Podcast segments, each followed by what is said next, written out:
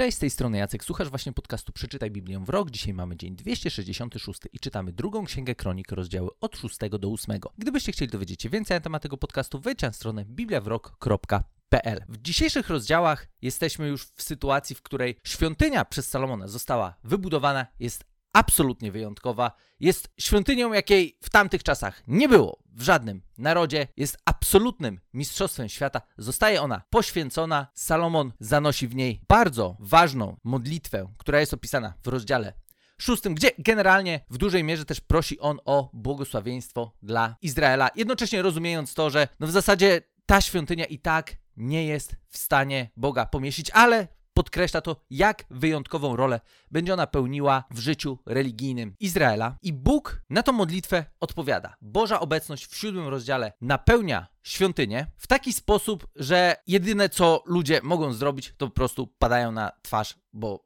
nie bardzo wiedzą, jak inaczej zareagować na obecność Boga, który przyznaje się do tego dzieła, które na jego cześć zostało wykonane. I ważna rzecz, która dalej dzieje się w rozdziale 7, jest opisana od wersetu 11, gdzie czytamy takie słowa.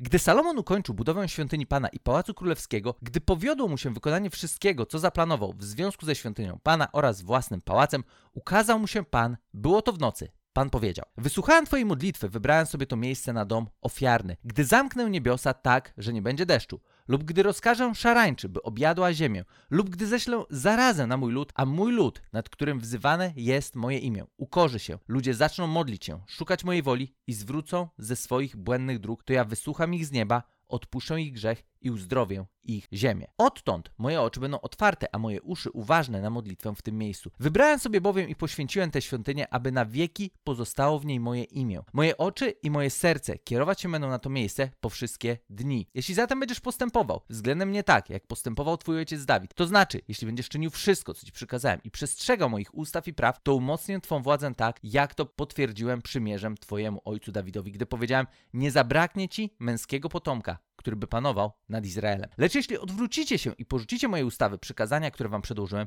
jeśli odejdziecie służyć innym Bogom i kłaniać się im, to wykorzenię was z mojej ziemi, którą wam dałem, a tę świątynię poświęconą dla mojego imienia odrzucę. Uczynię go przypowieścią i docinkiem u wszystkich ludów. Ta świątynia, która budziła wcześniej podziw każdego przechodnia, będzie spustoszona, gdy wówczas ktoś zapyta, za co Pan uczynił tak tej ziemi oraz tej świątyni. Wtedy usłyszy, za to, że opuścili Pana, Boga swoich ojców, który ich wyprowadził z ziemi egipskiej i uchwycili się innych bogów, kłaniali im się i służyli im. Za to Pan sprowadził na nich całe to nieszczęście. Z jednej strony bardzo lubimy część związaną z obietnicami, które znajdują się w Biblii. I tak dzisiaj w wersecie 14, właśnie siódmego rozdziału, mamy, nie wiem czy nie najbardziej znany fragment właśnie z drugiej księgi kronik, gdzie jest napisane, że mój lud, nad którym wzywane jest moje imię, że kiedy mój lud, nad którym jest wzywane moje imię, ukorzy się, ludzie zaczną modlić się, szukać mojej woli i zwrócą ze swoich błędnych dróg, to ja wysłucham ich z nieba, odpuszczę ich grzech i uzdrowię ich ziemię. To jest Boża obietnica, która, którą najbardziej może nam kojarzyć się druga księga kronik. Jeżeli jest jakikolwiek fragment z drugiej księgi kronik, który być może obił wam się o uszy,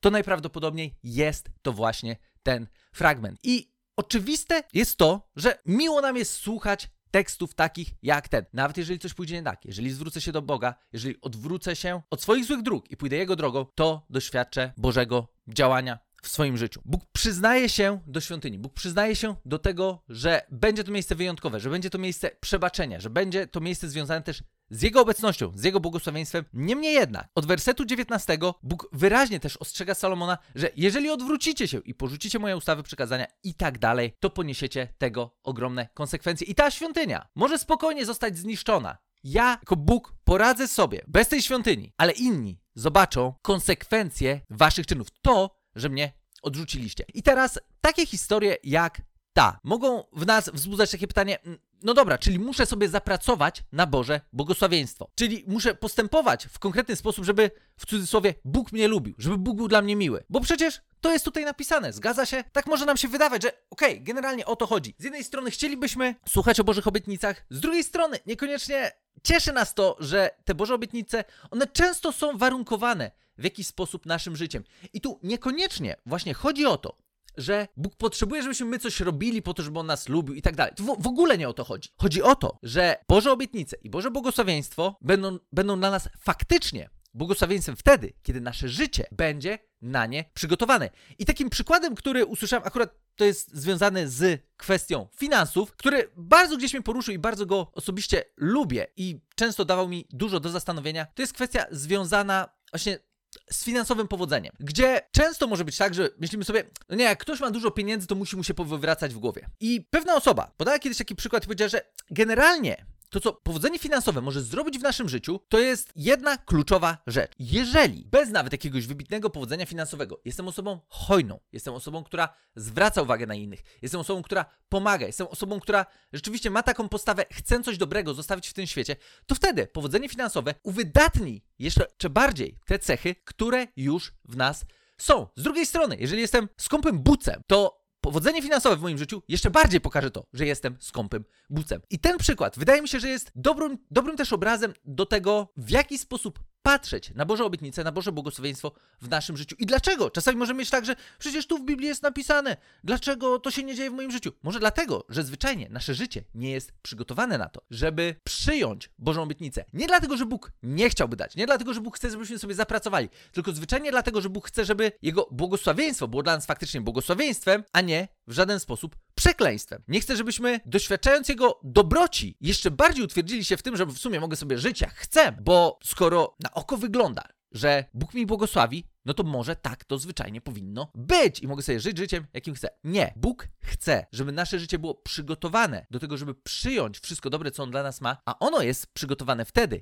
kiedy dbamy o Jego obecność w nas, kiedy uczymy się chodzić Jego drogami, kiedy uczymy się tego, w jaki sposób stawiać kolejne kroki wiary po to, żeby realizować Boży plan dla naszego życia, a nie swój własny plan i swój własny pomysł, który zwyczajnie może nas doprowadzić do miejsca, w którym nie doświadczymy w żaden sposób Bożego błogosławieństwa, Bożej obecności. I znowu może być tak, że okej, okay, nasze życie będzie wyglądało na oko fajnie, ktoś z boku spojrzy powie, ej, ten to jest spoko, a z drugiej strony my będziemy doskonale wiedzieć, że nie jesteśmy w miejscu, które Bóg przygotował dla nas. I pomimo tego, że możemy mieć wszystko, czego sobie dusza zapragnie, to jednocześnie w środku będziemy wiedzieć, że czegoś nam w życiu brakuje, że nie jesteśmy w miejscu, które jest miejscem Bożego przeznaczenia i jednocześnie dla nas osobistego spełnienia w tym, co robimy w naszej drodze życia. Dlatego tak ważne jest to, żeby na nasze życie właśnie patrzeć przez pryzmat tego, czy ja tworzę odpowiednie warunki swoim życiem do tego, żeby Bóg mógł i chciał być zwyczajnie częścią tego życia w taki sposób, że też objawi w tym życiu swoje błogosławieństwo. I tak Bóg w przypadku każdego z nas chce być częścią naszego życia, ale nie zawsze jest tak, że może, nie dlatego, że może, nie może, bo Bóg nie może, tylko dlatego, że zwyczajnie nasze życie nie jest przygotowane do tego, żeby przyjąć wszystko dobre, co dla nas ma. Bo jeżeli Bóg jest, tak jak to często o sobie mówi, dobrym ojcem, to on nie da nam czegoś, co może sprawić, że w jakiś sposób potłuczemy się w życiu, tylko będzie starał się nakierować nas na właściwe tory, po to, żebyśmy mogli dobrze korzystać ze całego dobra, które On przygotował dla nas. Niech dzisiejszym wyzwaniem dla nas będzie właśnie to, żeby zadawać sobie pytanie i naprawdę zadawać je uczciwie. Boże, czy moje życie jest życiem, które Tobie się podoba?